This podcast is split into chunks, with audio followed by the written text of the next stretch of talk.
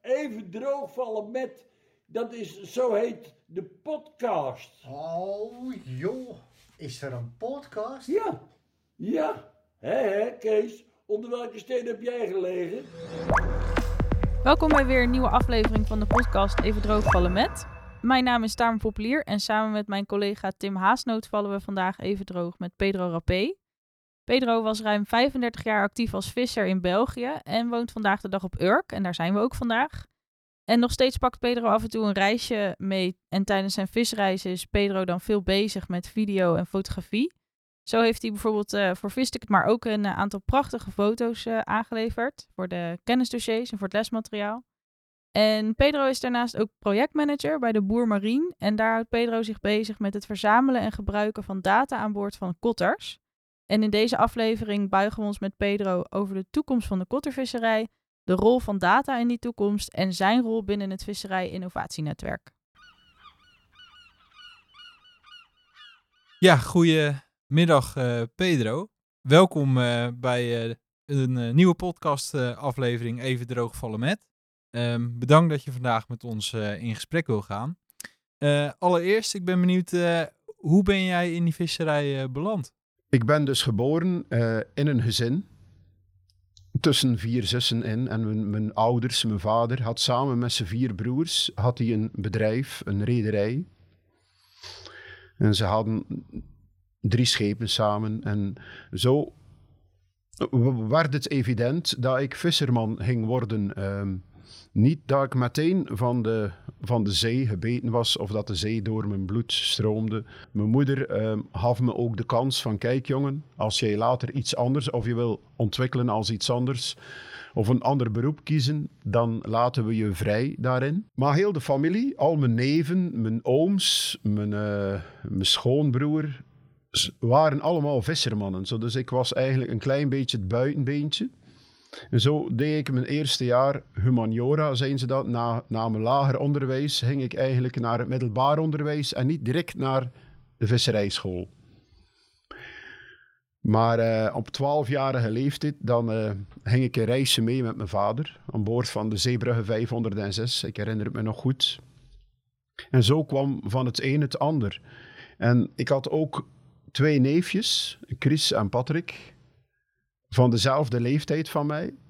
En die gingen ook, zoals ik, alle drie naar eerst het middelbaar onderwijs. Maar na een zomer mee te gaan, dan kozen we ook alle drie. En ik wou eigenlijk niet onderdoen voor mijn neefjes, koos ik voor het visserijonderwijs.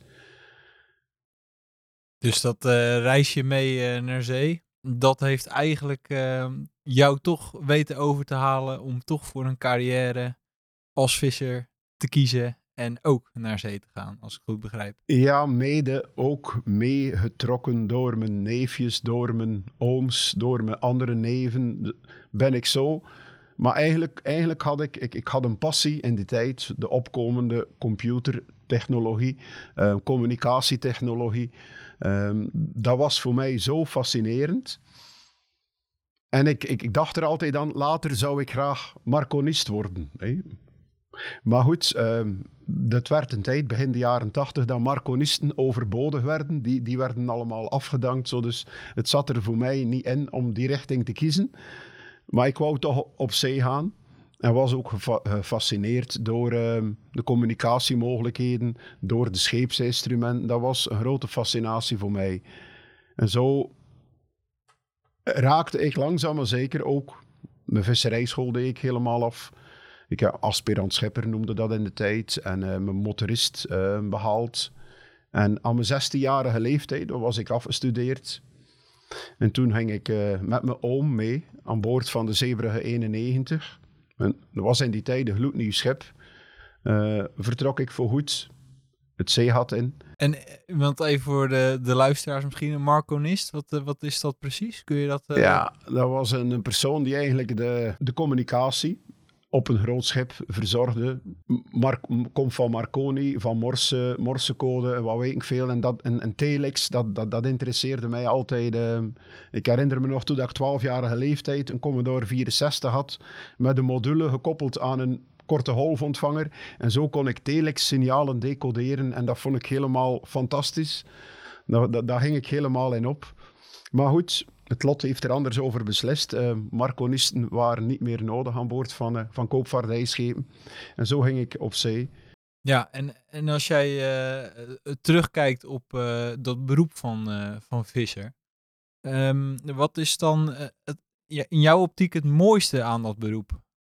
Och, het mooiste is ook um, een, een, zekere trots en, en die zelfvoldoening. Die zelfvoldoening die ik, die ik zo prachtig vond. Het is verschrikkelijk hard werken. Ook in die tijd nu nog. Ook. Maar um, je krijgt altijd loon naar werken. Je, op het einde van de rit dan krijg je de besomming of hoor je de besomming. En dan ben je weer heel blij en een stukje trots. Um, dat je daar ook deel uit van maakte en uh, dat je ook loon naar werken kreeg. En is dat naar jouw idee um, altijd uh, lonend? Of um, zijn daar ook uh, in jouw carrière wel verschillen in geweest? Want ik kan me voorstellen, als je kijkt naar de huidige situatie van de visserij, um, dat een hoop nu zullen zeggen dat het misschien niet zo lonend meer is. Kijk, wij Belgen zitten in een, in een systeem. Hè. Wij krijgen een procent op de bruto besomming. En wat dat er ook op ons afkomt als matroos of als machinist of schipper, wij, het wordt niet doorgerekend op ons. Zo. Dus wij voelen het eigenlijk niet. Die, die hele hasoliecrisis voelt een visserman in België, zit in die luxe positie die voelt het niet zo. Dus uh, die dips, die, die hebben wij zo niet. Wij krijgen altijd een ruime verloning. En heeft het dan wel zijn uh, weerslag op de rederij zelf? Want ik kan me voorstellen inderdaad als je als bemanning uh, die kosten eh, niet hebt of niet doorgerekend krijgt. Uh, het doet natuurlijk wel iets met uh, de rederijen waarvoor je vaart. Of merk je daar dan ook eigenlijk weinig van als bemanningslid? Toch wel, toch wel. Kijk, als de, de baas, als de reder tevreden is, dan is iedereen tevreden. En dan voel je ook wel de druk. Hè? Dan voel je ook wel Kijk, als de gasolie duur is, dat je ook als bemanningslid of als schipper toch moet proberen die hendel wat de gas op het brandstofverbruik ook te helpen reduceren. Dat, dat wel. Hey eh, Pedro, je bent later in je visserijcarrière ook veel bezig gegaan met videografie en fotografie.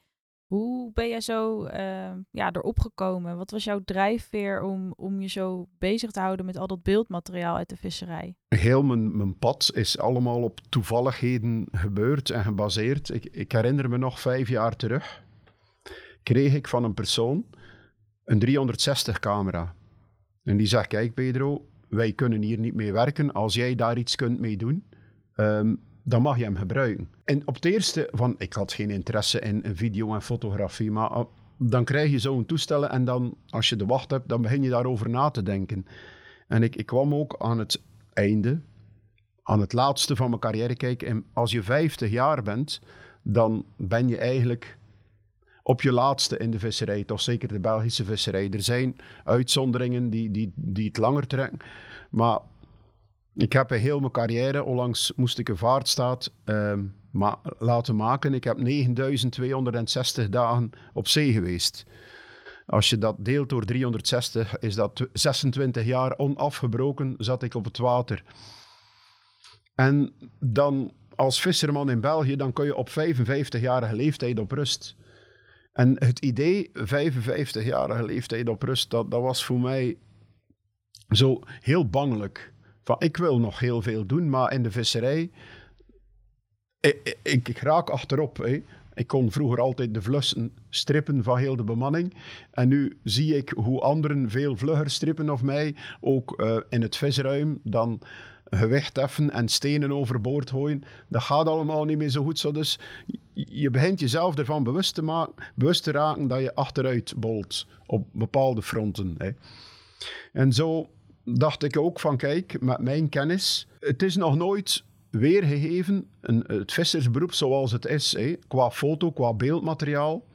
Ik zou het graag de laatste vijf jaar dat ik nog op zee ga, me bezighouden met het leven aan boord vast te leggen en te fotograferen. Het mooie van het vissersberoep, het zware van het vissersberoep. En aan de hand van die beelden dan ook de visserij te promoten. Tot, kijk, iedereen weet wat een boer doet op het land. Hè? Daar kun je allemaal beelden bij creëren.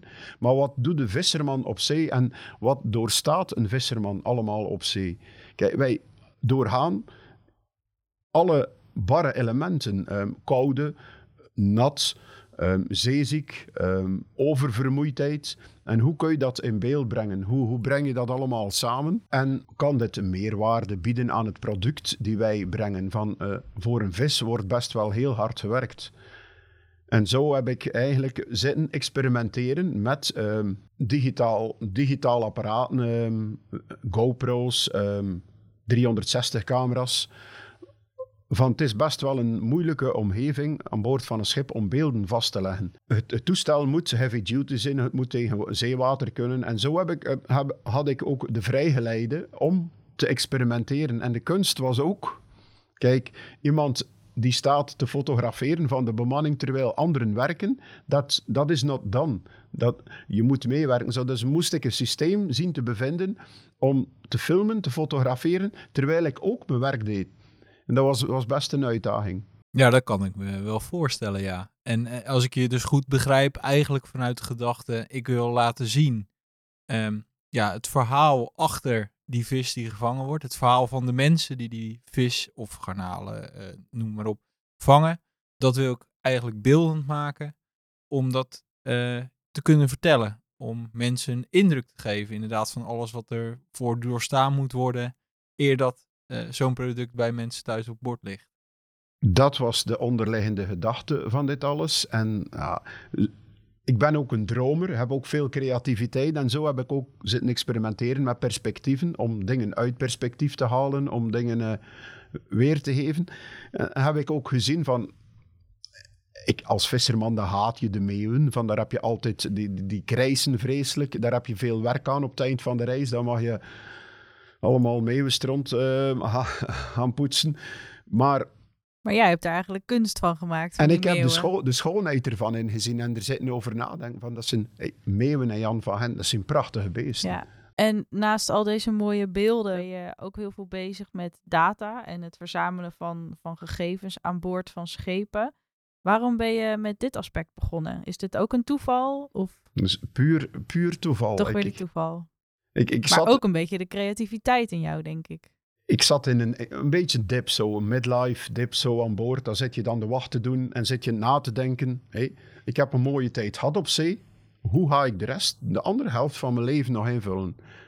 En toen kreeg ik met de komst van VSAT, hey, we hadden internet aan boord. En ik had te wachten, kreeg ik een idee van... Geïnspireerd ook door, door het ILVO, door waarnemers die ook um, data verzamelen aan boord maar fysiek dan. Hoe kunnen wij eigenlijk van een visserschip volledig autonoom, een soort dataplatform, een soort survey vaartuig maken, die continu data doorstroomt naar wetenschappelijke instellingen, zoals het ILVO, Instituut voor Landbouw en Visserijonderzoek, volledig automatisch. Dat was een theorie. Hoe ik het zou doen, wist ik helemaal niet. En maar de vraag was opgekomen. Maar de vraag was opgekomen. En rollen. En ik, door mijn kennis van informatietechnologie, van die instrumenten, die spreken allemaal dezelfde taal, NMEA 183. Dat is best wel begrijpbaar. Als we die bundelen en op een platform sturen en openzetten voor derde partijen om aan de slag te gaan, dan zouden we wel iets interessants of zouden we een meerwaarde kunnen creëren voor de visserman, voor de visserij in het algemeen, maar ook voor de wetenschap. Maar was louter een theorie hoe ik het zou doen wist ik het niet. Maar nou. ik heb ook beperkingen. Ik kan niks op papier zetten. Ik kan niet schrijven. Ik kan mijn hoofd niet. Er zit van alles in mijn hoofd. En ik kan het zelf niet op papier zetten. Zo, op een zekere dag zat ik samen met mijn zoon. En ik zeg, kijk, ik zou iets willen op papier zetten. En mijn zoon heeft communicatie gestudeerd. En hadden we zeven pagina's vol met mijn idee rond het data verzamelen. En daar zijn we mee naar bedrijven, naar mensen geweest. En een van die bedrijven was, of instellingen was het ILVO, Instituut voor Landbouw en Visserijonderzoek, Hans Polet. Die vond het helemaal gaaf en die ging op in hetgeen wat ik zei. Hij zegt, kijk Pedro, bij ons werkt alles heel traag. Geef me de tijd, je moet geduld hebben. Maar we gaan kijken om een pilootproject te schrijven en om aan de start te gaan met jouw visie. Ja, dus eigenlijk is het daar begonnen bij het, uh, ja, het Belgische Onderzoeksinstituut voor Visserij eigenlijk. om te kijken hoe kunnen we dit idee inderdaad uitwerken in een project waarmee we hier echt slagen kunnen maken. Dat is, dat is de start geweest. En toen zei ik ook tegen mijn zoon van kijk, eh, als we hierin part willen participeren, gaan we moeten een bedrijfje oprichten. Zo, dus heb ik nog in allerlei, allerijl mijn ehm, bedrijfsbeheer, dat was een soort diploma die je moest behalen om te kunnen een bedrijf oprichten, ehm, gedaan. En zijn we aan de slag geweest met dus een bedrijf Omnic, Omnic, Omni van alles, C van C en ook van zien. Zo hebben we, zijn we kunnen beginnen aan het omzetten van mijn theorie naar, een, naar de praktijk, naar een proof of concept. Ja, en daarmee hebben we ook een uh, mooi lijntje uh, naar uh, de volgende rubriek. Een lijntje uitgooien. Want ook vandaag zijn wij weer de straat op gegaan om eens een lijntje uit te gooien bij willekeurige mensen op straat. Over hoe ze denken over de Nederlandse visserij. Ditmaal waren we op Urk. En de vraag was als volgt. Vissers hebben allerlei apparatuur aan boord waarmee ze data verzamelen op zee. En sommige vissers overwegen deze data ook als bijvangst te verkopen. Wat voor data denkt u dat vissers zoal verzamelen op zee? En we gaan nu luisteren naar een aantal reacties uh, van mensen op straat. Nou, misschien uh, met een sonar uh, om te kijken wat er op de zeebodem ligt allemaal. Ja, dus echt dan de vis of andere? Nee, gewoon misschien wel artefacts of ja, rommel. Wat mensen in zee dumpen vanaf de schepen. Om dat te verzamelen. Ja, ik ben niet zo erg voor de data. Ik ben niet van de tijd van de data, want ik ben nog gepensioneerd. Maar vroeger hadden we ook al een data. Die was bij zeven schepen. Dan bleven we gewoon bij elkaar. En dan uh, kon een ander ons niet horen. Want dan hadden we ook een gebied, daar wisten we op. Want we waren met een hele grote vloot. En dan schoten we allemaal op, op dat gebied aan. En dan was het weg. Dan was het, dan was het te weinig voor het. Dus daarom hadden we toen ook al een beetje data. Maar er zijn nog minder schepen. Dus nu kun je de data misschien wel gebruiken. Maar toen was er veel meer schepen. Dus dan was het gelijk, uh, het, het, kleine gebiedje was al leeg geweest. En dan moet je hem weer zoeken. Zo ging dat toen. Ja, dus misschien nu met die kleinere vloot, dat er genoeg interessante data zijn die je wel kan en wil delen met elkaar. Ja, dat je goed doet met, uh, meer met elkaar kan communiceren over het gebied. Ga jij vissen, daar vissen, want je probeert toch om, om het, het meeste eruit te halen. Ja. En dat hadden we toen ook. Maar ja, toen uh, was, was de, de vloot heel groot. Er lagen we wel twintig schepen op een rij zo naar elkaar te vissen. Zo ging dat toen die tijd. Dat, ik praat al over 20, 30 jaar geleden. Dus zo ging dat. Ja, Pedro, dus uh, wat reacties, variërend van, uh, nou ja, misschien data over de hoeveelheid afval die in, in zee ligt, tot ook een oud visserman die aangaf van, ja, wij gebruikten vroeger ook een soort van data op onze eigen manier. Um, en die was aanvankelijk nog een beetje terughoudend met of je dat meer zou moeten delen, maar die zag toch ook wel kansen. Um, klopt een beetje het beeld wat uh, mensen hebben van de potentie van die data, wat je ermee kunt? Ja, dat is een mooie. Die laatste, dat vind ik een mooie. Kijk, we kunnen direct of we kunnen indirect werken. Ik ga een voorbeeld geven. Direct bijvoorbeeld, we zouden kunnen data, zoutgehalte, troebeleid, temperatuur van onze zee dit kunnen we al. Delen met uh, eh, UK Met, twee weersvoorspellingen van het Verenigd Koninkrijk. Die kunnen dan hun weermodellen daarop aanpassen. Of, met Emot, of in platforms zoals Emotnet uh, plaatsen. En dat is direct verhandelen. Maar het indirecte verhaal is eigenlijk het mooiste verhaal. Kijk, uh, ik, wij hebben ondertussen 20 schepen. En ik krijg geregeld de vraag van vissermannen, mijn collega die vist met een soortgelijk schip als ik. Wat is zijn brandstofverbruik? Als we zouden ons brandstofverbruik met elkaar kunnen vergelijken en kijken hoe komt het dat mijn collega zoveel minder verbruikt, dan zit daar ook indirect een winst op. In het geval met lauwe post, met smart fishing. In, beeld brengen, wat zijn... Ehm, de factoren waar, waarop we kunnen rekenen, uh, weersfactoren die invloed hebben op onze vis. En zo dan ook uh, meer direct gerecht vissen. Nu vertrekt een schip en die gaat op intuïtie. Maar stel je voor dat we in de toekomst ook op data kunnen, op via smart fishing eigenlijk veel gerechter gaan kunnen vissen. Het, lijkt misschien science fiction, maar ik denk dat er daar wel toekomst in zit.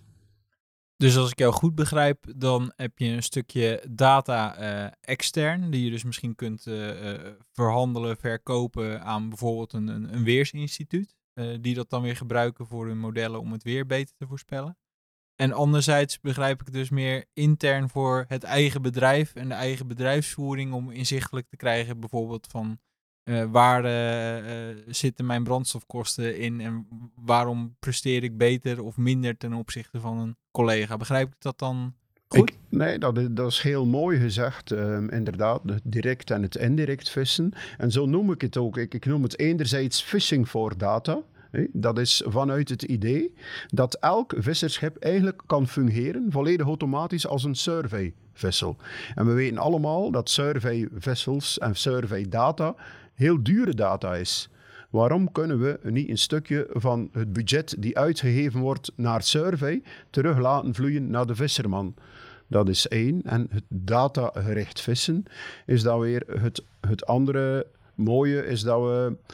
En, en daar kan ik heel lang over d- doorvertellen. In een, in een project nu in België gaat de visserman ook zijn vangstdata real-time delen met de afslag zodat de afslag ook voorkennis heeft van zaken en dat hij de vraag en aanbod veel beter op elkaar kan afstemmen. Dat we ook misschien aan marktspreiding kunnen doen. Ja, en, en wat zie jij nu als eh, grootste eh, kans of voordeel voor die visser met, eh, met die data? Wel, kijk, hele, hele grote kansen. Bedoel, het zijn veel kleine dingen die, die één groot geheel vormen.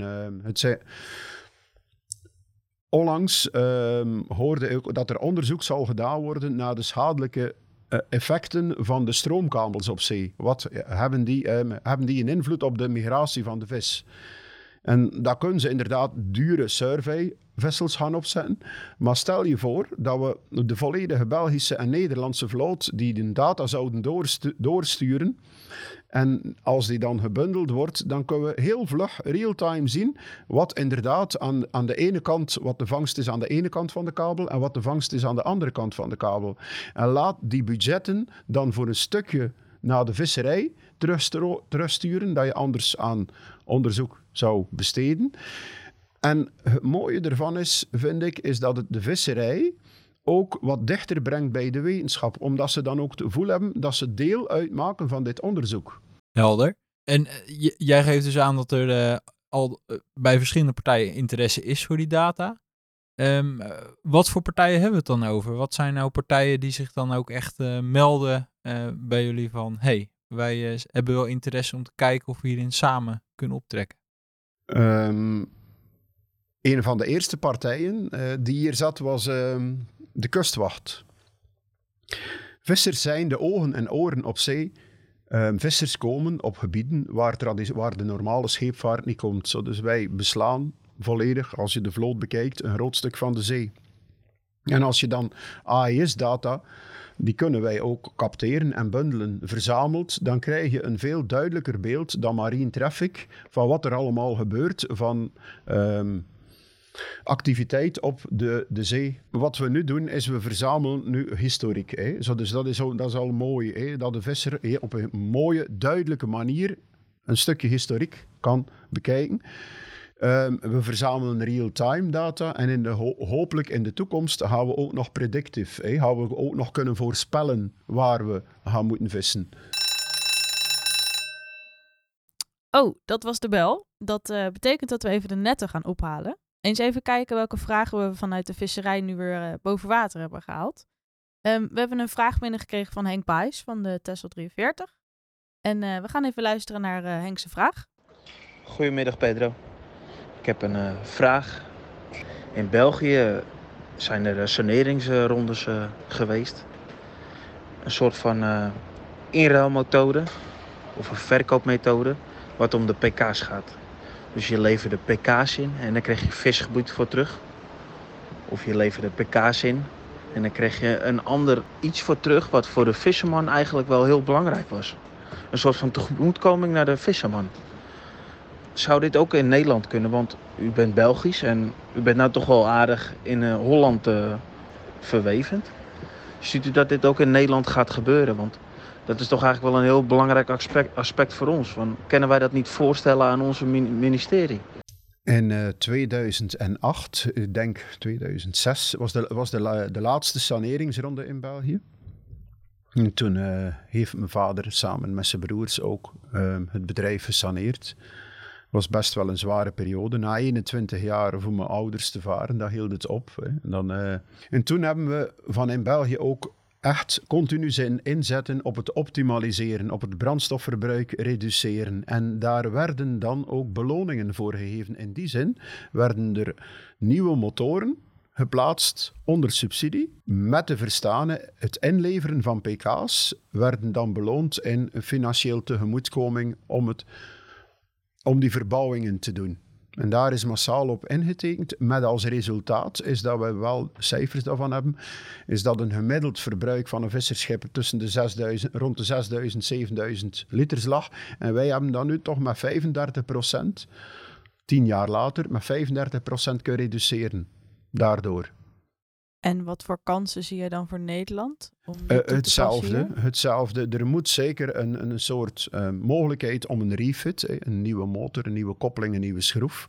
En het is misschien eh, als je pk's inlevert, dan eh, in ruil daarvoor subsidie krijgen.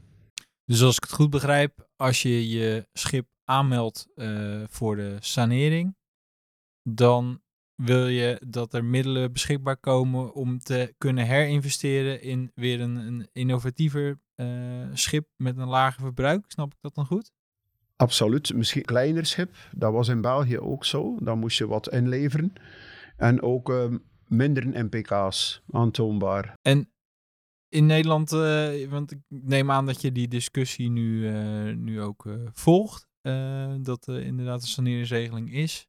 En daar ziet het er toch anders uit dan de, de, de, Belgische situatie. Eh, wat zijn daarin dan de grootste verschillen naar jouw idee? Blijf erbij, wij in België hebben eigenlijk na, rond optimalisatie gewerkt. In Nederland was ook alles maximalisatie. Hm. En dat is nat- natuurlijk... Ik weet nog, toen mijn neef zei ook van kijk, als je schip na 18 jaar volledig afgeschreven is en betaald, dan moet je nadenken over een nieuw schip. En in Nederland he- heb je veel, heel veel oude schepen die nog blijven draaien. En die prachtig onderhouden zijn, prachtige schepen. Die, die, die een vangstvermogen hebben, enorm. Maar het rendement van die schepen is, is gezakt tot, tot onder nul. We gaan naar ons volgende segment, bakbord of stuurbord. Ehm, net als aan boord moeten er soms duidelijke keuzes gemaakt worden. Eh, ga je bakbord uit of ga je stuurbord uit? En in deze rubriek bakbord of stuurbord vragen we onze gasten daarom ook om een duidelijke keuze te maken. Ehm, aan de hand van een aantal stellingen gaan we in gesprek over data in de visserij. En we hebben dus drie stellingen voorbereid en je mag alleen maar met eens of oneens antwoorden. En dan achteraf krijg je nog een beetje ruimte om, eh, om de stellingen wat te nuanceren of je antwoorden wat te nuanceren. Ben je er klaar voor? Nou, dan gaan we naar de eerste stelling en dat is: de technologie om data te verzamelen, te koppelen en analyseren is onbetaalbaar voor het gemiddelde kotterbedrijf. Eens. Ehm, de volgende stelling is: het verzamelen en inzetten van data kan zorgen voor een duurzame visserij. Eens. En dan de derde stelling is: data die door de Nederlandse visserij wordt verzameld, moet openbaar beschikbaar en toegankelijk zijn. Oneens. Oneens. Nou, dat eh, is volgens mij genoeg eh, voer voor discussie, Tim. Ja, ehm, want terugkomend op die eerste stelling, daar was je nou, heel duidelijk in je, je antwoord. Hè? Dus technologie om data te verzamelen, te koppelen en analyseren is onbetaalbaar voor het gemiddelde kottervisserijbedrijf. En jij gaf gelijk aan eens. Eh, wa- waarom eens? Hetgeen wij gerealiseerd hebben en ontwikkeld hebben, ehm, kostte een bult. En ik heb altijd vanuit de gedachte ehm, gewerkt vanuit eh, subsidiekanalen. Zonder subsidie is zoiets niet mogelijk. En dat is nog altijd mijn visie. Ehm, ik wil het ook, ehm, en dat is nu gelukt in België, onder subsidie wil ik het brengen. Ik heb nooit ehm, het idee geopperd om het eh, commercieel in de markt te zetten. Dit, dit is enorm moeilijk.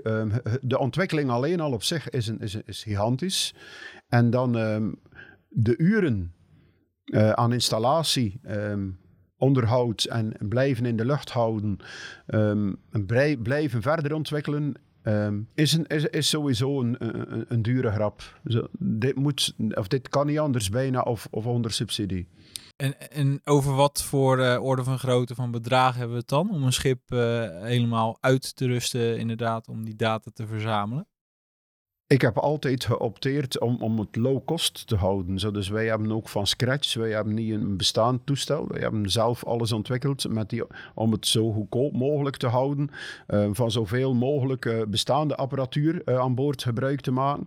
Maar voor een, een complete installatie, inclusief brandstofmeter, dan, dan, dan mag je toch aan, aan de 12.000 euro's rekenen. En ben jij van mening dat iedere visser eh, binnen Europa, want vaak zijn het eh, Europese subsidiefondsen natuurlijk, eh, ook toegang zou moeten krijgen tot het installeren van dergelijke technologie aan boord? Ja, en als je kijkt, als je die subsidietrajecten leest, het nieuwe MFAF, die staat op maat geschreven om het, om het datacollectie, om, om, om, om heel het gebeuren te stimuleren.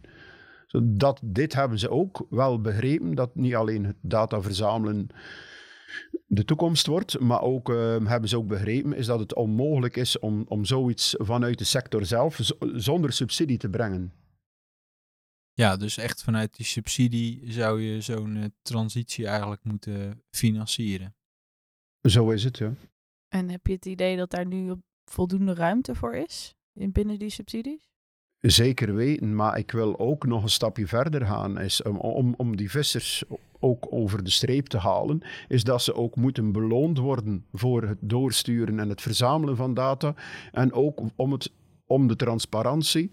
Dus als ik jou goed hoor, dan eh, is het aan de ene kant belangrijk om vanuit de overheid gestimuleerd te worden door middel van subsidies, om hiermee te gaan beginnen.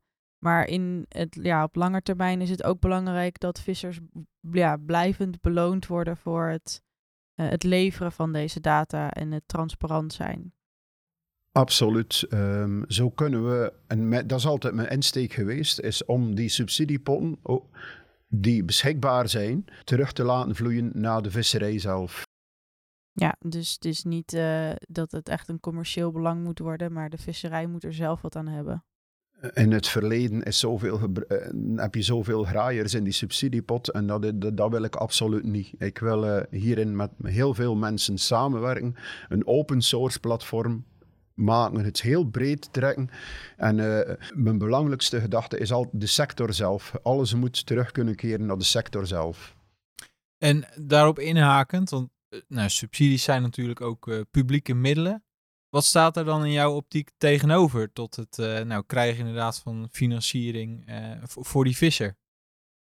Eh, en bedoel je in grote orde of in... eh, Nou ja, kijk, als je als visser geld krijgt om, om die technologie aan boord te nemen, om inderdaad data te verzamelen, ehm, wat, staat, wat krijgt de maatschappij, die die subsidie natuurlijk bij elkaar legt, daarvoor terug van die visser?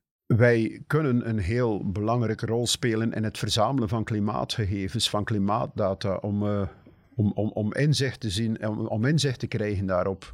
Maar ook ehm, het stukje informatie. Kijk, als je naar een blauwe economie wil gaan, dan moet je ehm, traceerbaarheid is nummer één. Zonder traceerbaarheid heb je geen blauwe economie. En daar worden we nu toch ingeduwd, compleet, om in die circulaire economie aan de slag te gaan. Wat wij nu al voor elkaar hebben, is dat we exact met het stukje vis die de consument op zijn bord, dan kunnen we een heel, dan kunnen we transparante data, daar kunnen we een compleet verslag mee meegeven. Dus als ik je goed begrijp, zeg je, ehm, als wij toegang krijgen tot die middelen, dan kunnen wij als vissers eh, terugkoppelen naar de mensen aan de wal, inderdaad, de consument, ehm, naar waar dat visje vandaan komt en transparant zijn in eh, het verhaal achter het product dat de, de consument eet. Dat is, dat is de bedoeling. Als het op, ook op voorwaarde dat het ook een meerwaarde creëert, ook financieel, voor die visserman. Nou, dat eh, lijkt, lijkt me denk ik een mooi opstapje naar de bespreking van de, de tweede stelling.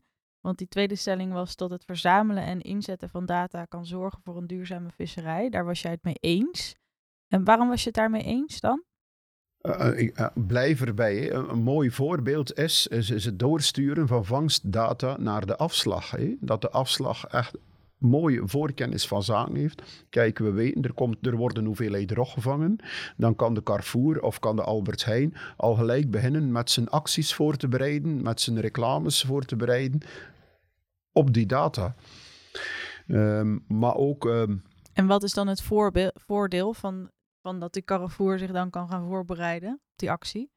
Hoe, hoe draagt dat bij aan duurzaamheid? Uh, maar die kan al um, de consument eh, via de acties die ze gaan voeren, hè, kan die al de consument bereiken. En de consument kan dan inderdaad um, die week dan voor dat stukje vis gaan kiezen. Dus een stukje verspilling tegengaan eigenlijk. Dat is, dat is de insteek. Ja. En, en zijn er nog andere manieren waarop data kan bijdragen aan duurzaamheid? Um, brandstofverbruik, brandstofverbruik in kaart brengen en proberen deze ook via sensibilisering. Heel duidelijk meten is weten en kijken. Kijk, mijn grote wens is altijd, als we samen zouden kunnen werken met scheepswerven of met motorfabrikanten, dat we ook onze data kunnen delen en dat ze dat mensen ook actief kunnen kijken van um, bij dit schip met dat verbruik en zo'n refit, een nieuwe motor, een nieuwe koppeling, kunnen we zoveel rendement halen, kunnen we zoveel um, brandstofreductie krijgen. En als we dat allemaal zouden kunnen in kaart, dan kun je eigenlijk perfect de kosten-batenanalyse gaan doen. En, en, zo kun je die, die, die brandstof, dat, zo kun je het brandstofverbruik omlaag krijgen. Ja, dus ik hoor brandstofverbruik en uh, ja, eigenlijk het verspillen van een, uh, van een heel mooi product. Um, kunnen we ook nog ervoor zorgen dat het, uh, het, het vissen zelf efficiënter verloopt? Ook, ook dat, inderdaad, smart fishing is dat we veel gerichter gaan kunnen vissen. Misschien in bepaalde periodes um, gewoon tijdelijk het vissen staan, bijvoorbeeld. En als we dan al die data hebben gebruikt, uh, die we dus verzamelen aan boord van visserschepen, en uh, ja, daarmee dus eigenlijk een, een duurzamer product misschien op de markt kunnen zetten, zou de vis van die kotters die dus dit dit op deze manier vermarkten? Zouden we dat ook uh, moeten aanbieden op de markt als zijnde duurzamer uh, gevangen, duurzamer, ja, een duurzamer product? Hoe, hoe zouden we dat moeten aanpakken? Dat is wat we in België volop op inzetten op visserij verduurzaamd, is dat verduurzaming moet een score krijgen. En als we die score zouden kunnen doortrekken tot op de klok of tot bij de consument, schepen die een inzetten om te verduurzamen, die moeten ervoor beloond worden. En dan wil ik uh, eventjes gaan naar die, uh, die derde stelling. Uh, dat data die door de Nederlandse visserij wordt verzameld, moet openbaar beschikbaar en toegankelijk zijn. En daarop uh, gaf jij duidelijk aan het oneens te zijn met die stelling. Uh, kun even vertellen waarom? Ja, nee. Um, de reder is eigenaar en de reder beslist waar hij een goed gevoel, gevoel mee heeft of geen goed gevoel. Kijk, in het verleden, en wordt nog altijd gebruikt, wordt er veelal gezegd van wij hebben vroeger ook nog data gedeeld en dat is dan tegen ons gaan keren. Dat is dus tegen ons gebruikt. Dus uh, moeten we nog altijd verstandig met onze data omgaan en doordacht met welke partij je je goed voelt en wil in zee stappen en welke partij dat je zegt van kijk, uh, ik heb hier geen goed gevoel mee. Of die partij heeft helemaal geen zaken met mijn data. En als je dan uh, kijkt naar de, naar de huidige uh, technologie, dan uh, zal je ook bekend zijn dat er natuurlijk op het moment dat er data zijn, er altijd het gevaar bestaat dat iemand misschien niet via een rechtsgeldige manier toch aan data weet te komen. Um, en dan zou het natuurlijk ook in handen kunnen komen van partijen die het misschien uh, gebruiken ten nadele van de visserijsector. Uh, is dat iets waar jullie ook zorgen maken over die beveiliging van die data? Mm, dit is, dat was onze grootste werk en onze duurste kost is, is het eigenlijk het opzetten dat de reder kan kiezen de partij en ook het sensortype. Als de reder geen zin heeft om zijn uh, brandstofverbruik te delen met een partij, dan vinkt hij dat gewoon af. Zo dus dit is wel afgeschermd. En, en ook echt veilig? Er is uh, in principe niets of niemand die er dan toegang zou, tot zou kunnen hebben? Wij hebben uh, zelfs een verbindenis als er zou een datalek of een aantoonbaar datalek zijn die te wijten is aan ons platform, dat we daar ook 10.000 euro's per inbreuk moeten, moeten voor betalen. Ja, dus een dergelijke clausule is daar wel in, uh, in opgenomen. En zou iedere kotter in jouw optiek ook vrijwillig bepaalde data af moeten staan ten behoeve van de sector als geheel? Of zeg je nee, het eigenaarschap moet altijd alleen bij de individuele ondernemer liggen? Nou, dat is een lastige. ehm. ik, we moeten ook niet te opdringerig zijn met hetgeen wat we doen. Eh, alles is gebaseerd op vrijwillig, eh, vrijwillige basis. En eh, we moeten... mijn hoofdtaak is eigenlijk de voordelen ervan inzien. Dus dat de conservatievere... Kijk, je hebt altijd progressieve en conservatieve. Ik, ik weet nog goed toen dat ik samenwerkte met de, de, met de Tessel 1, met Cor Vonk. Die had camera's aan boord staan. Die, die, die vond dat helemaal niet erg. Als je mag kiezen, kijk, een aanlandplicht komt op ons af. Hè. Die, die, die boot houden we altijd maar af, maar die aanlandplicht komt op ons af. Als we kunnen kiezen in de toekomst tussen een registratieplicht aan de hand van camera's of een aanlandplicht, dan denk ik dat de meesten dan toch gaan kiezen voor registratieplicht. Van echt het aanlanden van alle ondermaatse vis, dat is logistiek, is dat een nachtmerrie. Ja, dus als ik je goed begrijp, dan zeg je eigenlijk iedere ondernemer die eh, enthousiast is en die kansen inziet, die is vrij om zelf ja, die data eh, die die verzamelt eh, in te zetten en te gebruiken. Eh, maar dat moet niet direct ook iets zijn wat je sectorbreed moet gaan oppakken. Dus laten we eerst zorgen dat het voor de vissers die geïnteresseerd zijn een lonend positief iets is. En als dat inderdaad breed gedragen is, kunnen we misschien na gaan denken over ehm, wat voor punten, dossiers we gezamenlijk als sector misschien data kunnen inzetten. We moeten vooral niet te vlug willen lopen, stap per stap. Ja, daar hoorden we weer het eh, geluid van de kettingen. Oftewel, we zijn aanbeland eh, bij eh, de kettingvraag. Ehm een van onze vorige gasten in de podcast, Ment van der Zwan, die had een vraag eh, voor jou. En eh, daar gaan we even naar luisteren. Ik ben heel benieuwd hoe die in het verzamelen van die data omgaat met sociale aspecten van de visserij. Zoals bijvoorbeeld het verzamelen van data over bijna ongevallen, ongevallen, ongevallen met eh, dodelijke afloop, gevaarlijke situaties, etc. Mm, Die vraag begrijp ik. Er zijn ook twee kanten aan. Hè. Ehm, voor ons is het altijd wel. ehm, ik zit ook in werkgroep Veiligheid. Eh, uit ongevallen moeten we leren. Hè. Mm, Dat, eh, ik heb in de tijd, toen ik alles eh, filmde en documenteerde, arbeidsongevallen gefilmd. En jammer genoeg, die zullen altijd gebeuren en blijven gebeuren. En die worden nu gebruikt. toestemming gekregen ook van de persoon in kwestie die gewond geraakt is, om les te geven en om te sensibiliseren. Het, het kan aan twee kanten snijden.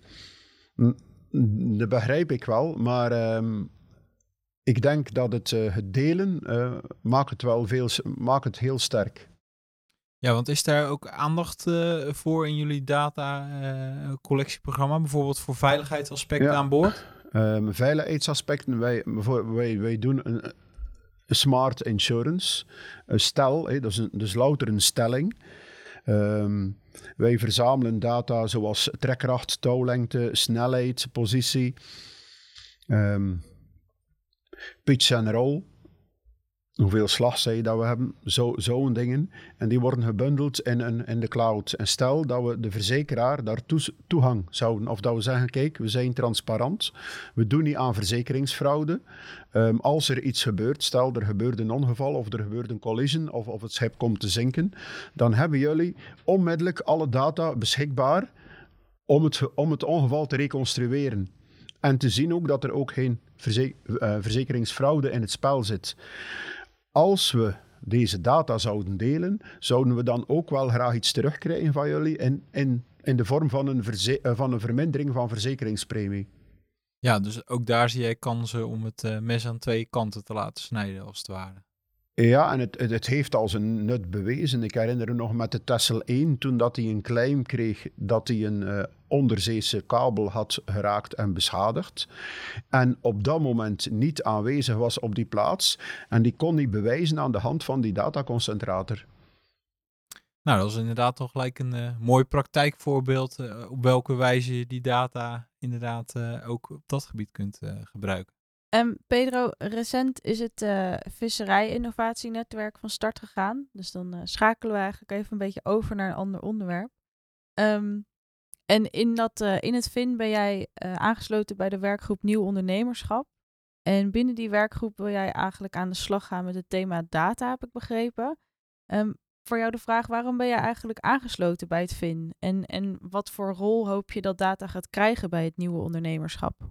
Ik vond het alvast een hele eer um, toen Ari mij vroeg om te participeren binnen het VIN.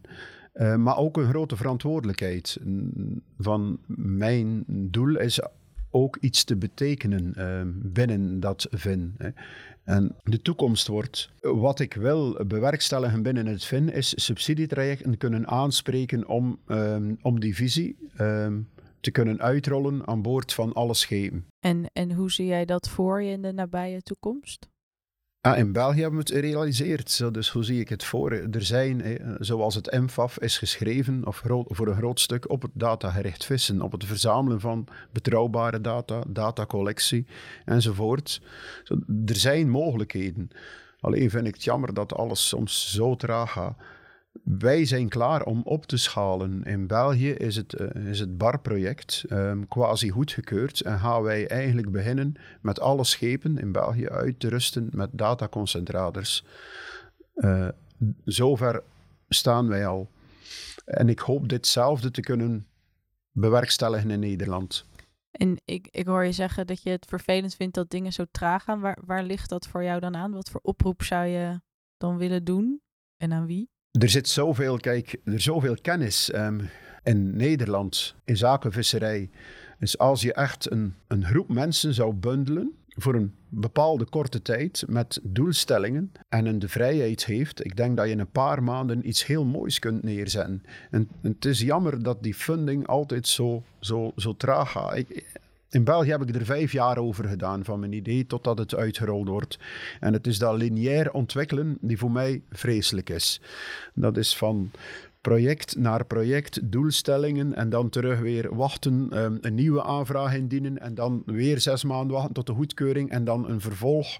En, en dat is lastig. Laat ons gewoon de, de vrijheid om door te blijven ontwikkelen. Dat we niet elke keer van doelstelling, van project naar aanvraag, naar goedkeuring moeten werken. Dat we kunnen vanuit de overheid blijven verder ontwikkelen hierop. Nog even terugkomend op uh, dat uh, nieuw ondernemerschap en uh, ja, de rol van data erin. als we het hebben over nieuwe generatie visserijondernemers, hoe gaan die data binnen ja, de toekomstige ondernemingen van, van visserijondernemers een rol spelen? Ja, meten is weten. We hebben al allerlei handige tools ontwikkeld, ook om real-time inzicht te krijgen in ben ik goed bezig of ben ik niet goed bezig? Um, zoals hebben we een, een soort econometer ontwikkeld die, die de verhouding ziet tussen fuelkost en bruto besomming. Real-time. Wij in België weten dat vroeger dat we hem op de 20% moesten houden van onze bruto besomming.